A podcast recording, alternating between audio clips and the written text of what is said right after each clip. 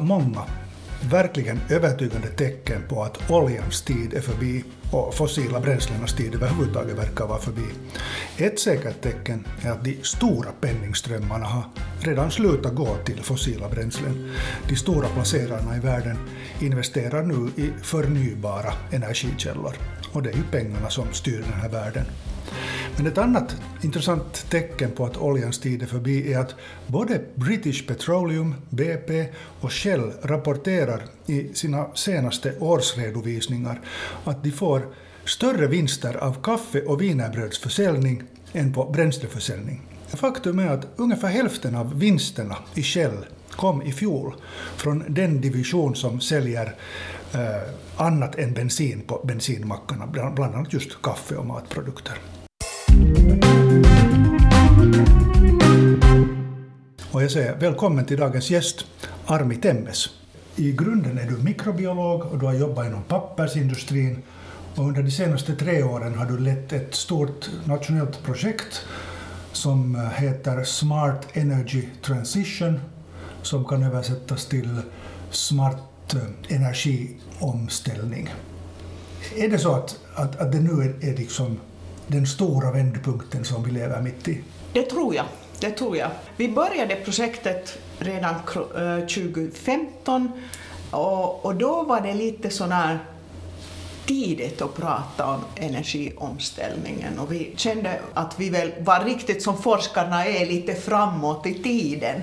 Och, och, och vi tog upp nya saker. Men nu när projektet slutar så känns vi att, att världen har tagit eh, det som vi pratade, började prata 2015 och det är ingen, ingen väg tillbaka.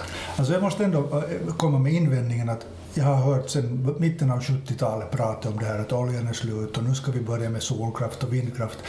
Men jag har inte ännu sett att det skulle hända. Är det, är det nu jag kommer att få se att det på riktigt händer? Ja, jag är övertygad att, att vi kommer att se det nu. Vi kommer att se det nu eftersom, eh, eftersom det är både liksom miljöorsak men speciellt eh, liksom du sa att penningströmmarna ändras, att, att, att det finns en, en riktig businessrisk att sätta sina pengar i fossila bränslen och, eh, och fossil energi. Du har forskat i de här frågorna, du är forskare på Aalto-universitetet och du har också skrivit bloggar om, om den här frågan. Bland annat så, så vill jag att vi ska diskutera någonting som heter Power to X.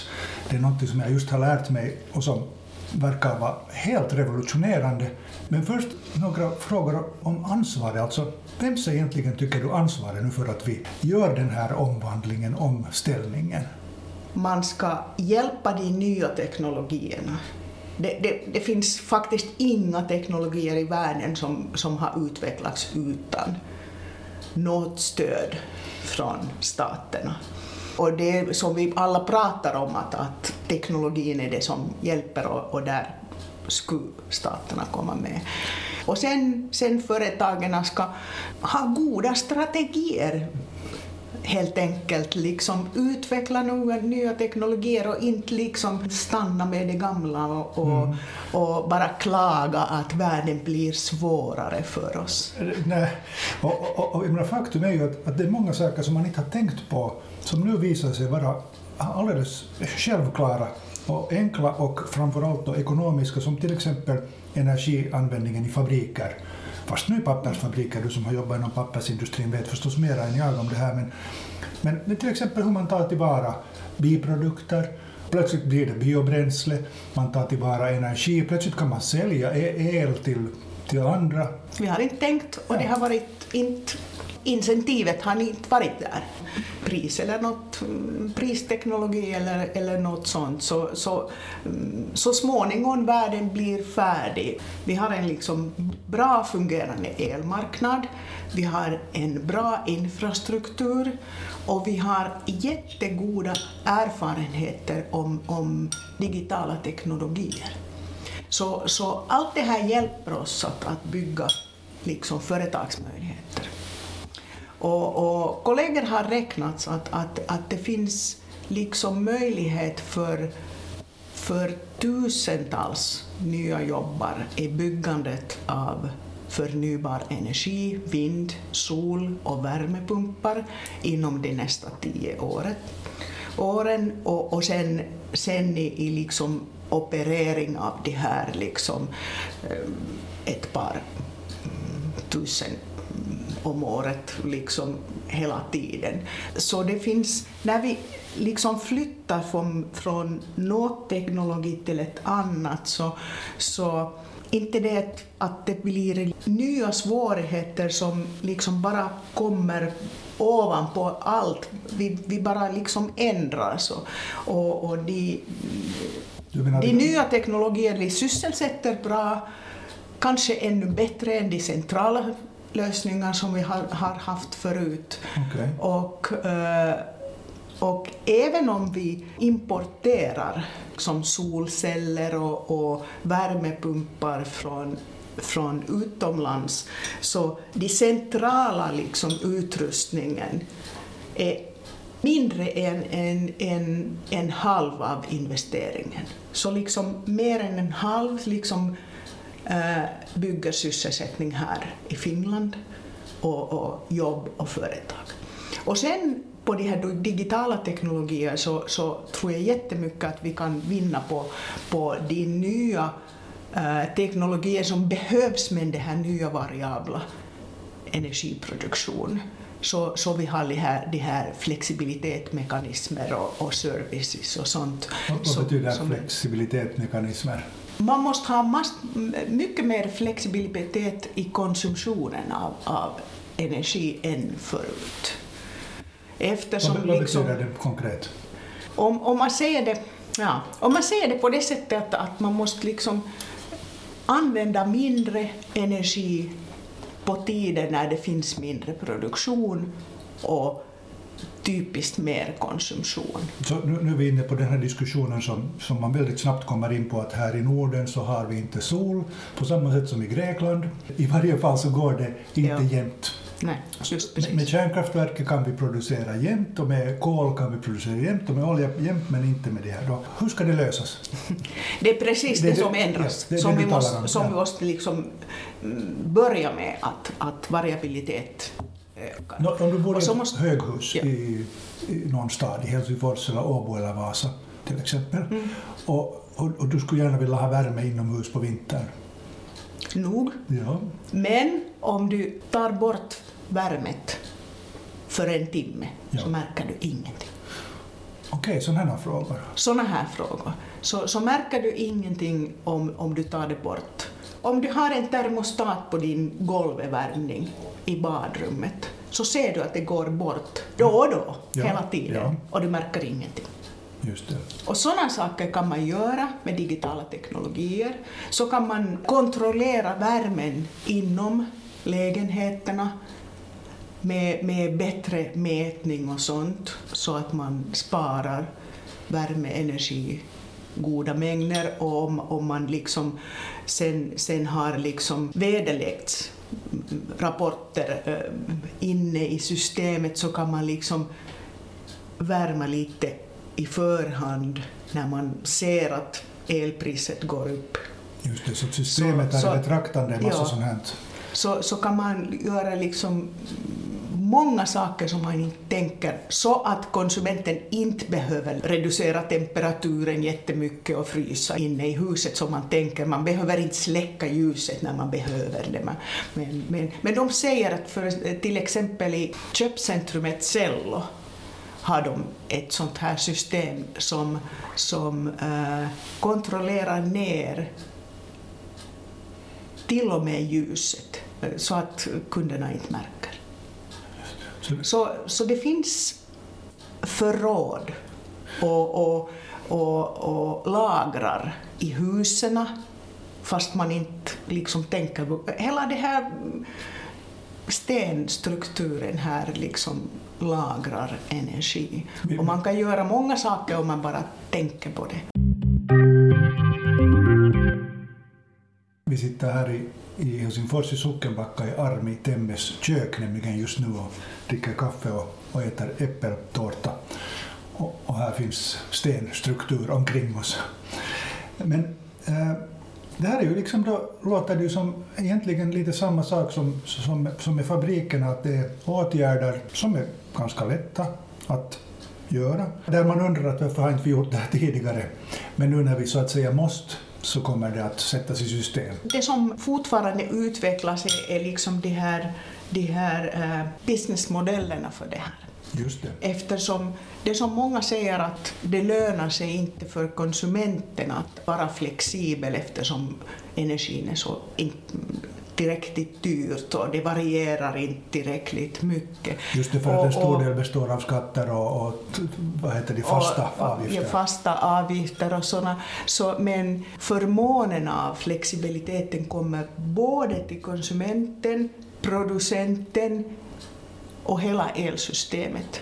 Så businessmodellen måste utvecklas på det sättet, det sättet att det hjälper alla de som ge, eh, får förmån av, av den här flexibiliteten. Och, och, och, och, det är något som endast utvecklas. Och, och det, det är på gång.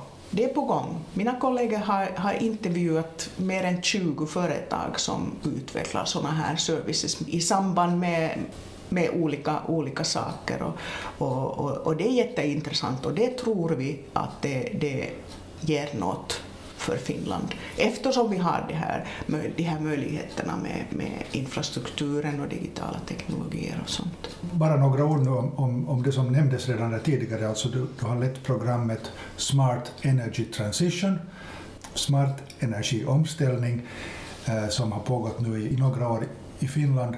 Men nu när jag har försökt lite förstå vad den här smarta energiomställningen innebär så har jag stött på ett begrepp som Power to X. Marknadsförs så att säga eh, på, på, på, i vissa artiklar som framtidens lösning på alla energiproblem. Lite överdrivet förstås nu, men, men faktiskt en stor grej. Energiomställningen innebär vad man skulle kalla elektrifiering, som, som man gör mer med el än förut. Och, och då förstås på ett sätt som är koldioxidsmart. Japp. Ja. Och det brukar vara variabelt. Och, och då och då blir det lite brist på det, men då och då blir det överskott. Nå, priset går ner i överskott, så är möjligheten att, att de mm, stannar kvar och mm, stoppar vindkraftverken. Men om det finns en möjlighet för sån här Power to X, så de kan producera vete, vete, vätgas, vätgas. Med, med, med med billig el. Alltså, ta, ta det här nu riktigt grundligt för att jag har ärligt sagt inte riktigt ännu heller förstått. Från el producerar du vätgas Från och sen har du vätgas och koldioxid. Så finns det teknologi, existerande teknologi att producera kolväten eller bränslen. Och, och, det är en av de stora möjligheterna med det här Power to X. Den här X, jätteofta i diskussionen, är, är trafikbränslen, som är en av de svåraste problemen i, i, i energiomställningen. Och, uh, alltså ska man tanka nu med X? Man skulle kunna sen tanka med X. Man, man, man gör det nu för, nu för tillfället endast i liksom nästan laboratorier eller små pilotskala. Uh, och, men men uh, våra kollegor i Lutuniversitetet pratade om det här redan 2015 och vi visste inte heller vad det är. Alla andra, men, men, men, men de har pågått med det och, och, uh, och nu börjar det bli. Så, och med, med Vätgas som är jättereaktiv kan man också producera andra saker än bränslen. Har du hört om, om power to food? Nej. Så skulle man kunna med väten växa mikrober. Och det gör de. Det finns ett företag som heter Solar Foods här i Finland som, som, äh, som använder den här väten och sen koldioxiden i, i en bioreaktor och producerar liksom proteinmassa som skulle kunna utvecklas till, till livsmedel. Och sen skulle man kunna använda elet eller, eller vätgaset för produktion av ammoniak som man vet att är jätteenergiintensiv och, och um, producera gödningsmedel. Mm. Okay. Och, och, och, mm, och sådana saker. Men, men nyckeln till elsystemet är det här produktion av vätgas. Så att man skulle kunna, om man skulle kunna riktigt använda liksom det här överskottselet av de här massor av vindkraftverk som nu byggs här i Finland också, så, så skulle det också balansera liksom elsystemet och, och, och då när, det finns, då när det blåser mycket? Då det blåser jättemycket så, så finns det överskott. I, i, I Tyskland finns det redan överskott i nordvästra Tyskland och de har inte en infrastruktur för att transportera elet till Sydtyskland så, så måste de stoppa kraftverken. Okej. Okay. Och, och, och man skulle kunna använda det här överskottet till att tillverka bränsle. Mm bränsle, livsmedel eller ammoniak så, så skulle det vara ganska, ja, ganska vettigt. Det, det, det, låter otroligt intressant och samtidigt så blir jag lite fascinerad. Här sitter jag med en forskare vid Aalto-universitetet som säger att 2015 visste vi ingenting om det här ännu. Och nu har vi då 2021, det vill säga sex år sedan, så det beskriver hur otroligt snabbt det sker stora saker. Ja, jättestora. Nu när jag förberedde mig för den här intervjun så lånade jag en bok från biblioteket som hette på finska Energia Murros, alltså just energiomställningen. Och så bläddrade jag en stund och tänkte att hmm, vad är det här månne? Och så såg jag att den var fyra år gammal. Och jag insåg att den, den var gammal. Det gick inte mer att läsa den. Så det, det, är både skrämmande och, och hoppingivande på samma gång för det betyder att det går framåt. men snabbt. Men vad, vad som sen blir verklighet så det, det vet vi väl inte ännu? Nej, det kan bli saker som vi inte anade om som hjälper oss och som gör det svårare.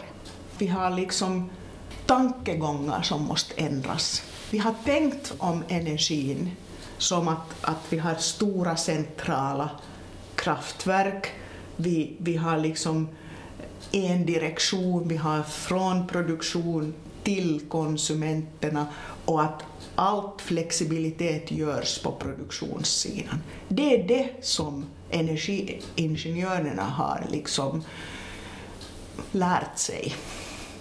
Min generation och mycket yngre än, ännu. Så, så, så det är det som är svårt, att, att ändra tankarna.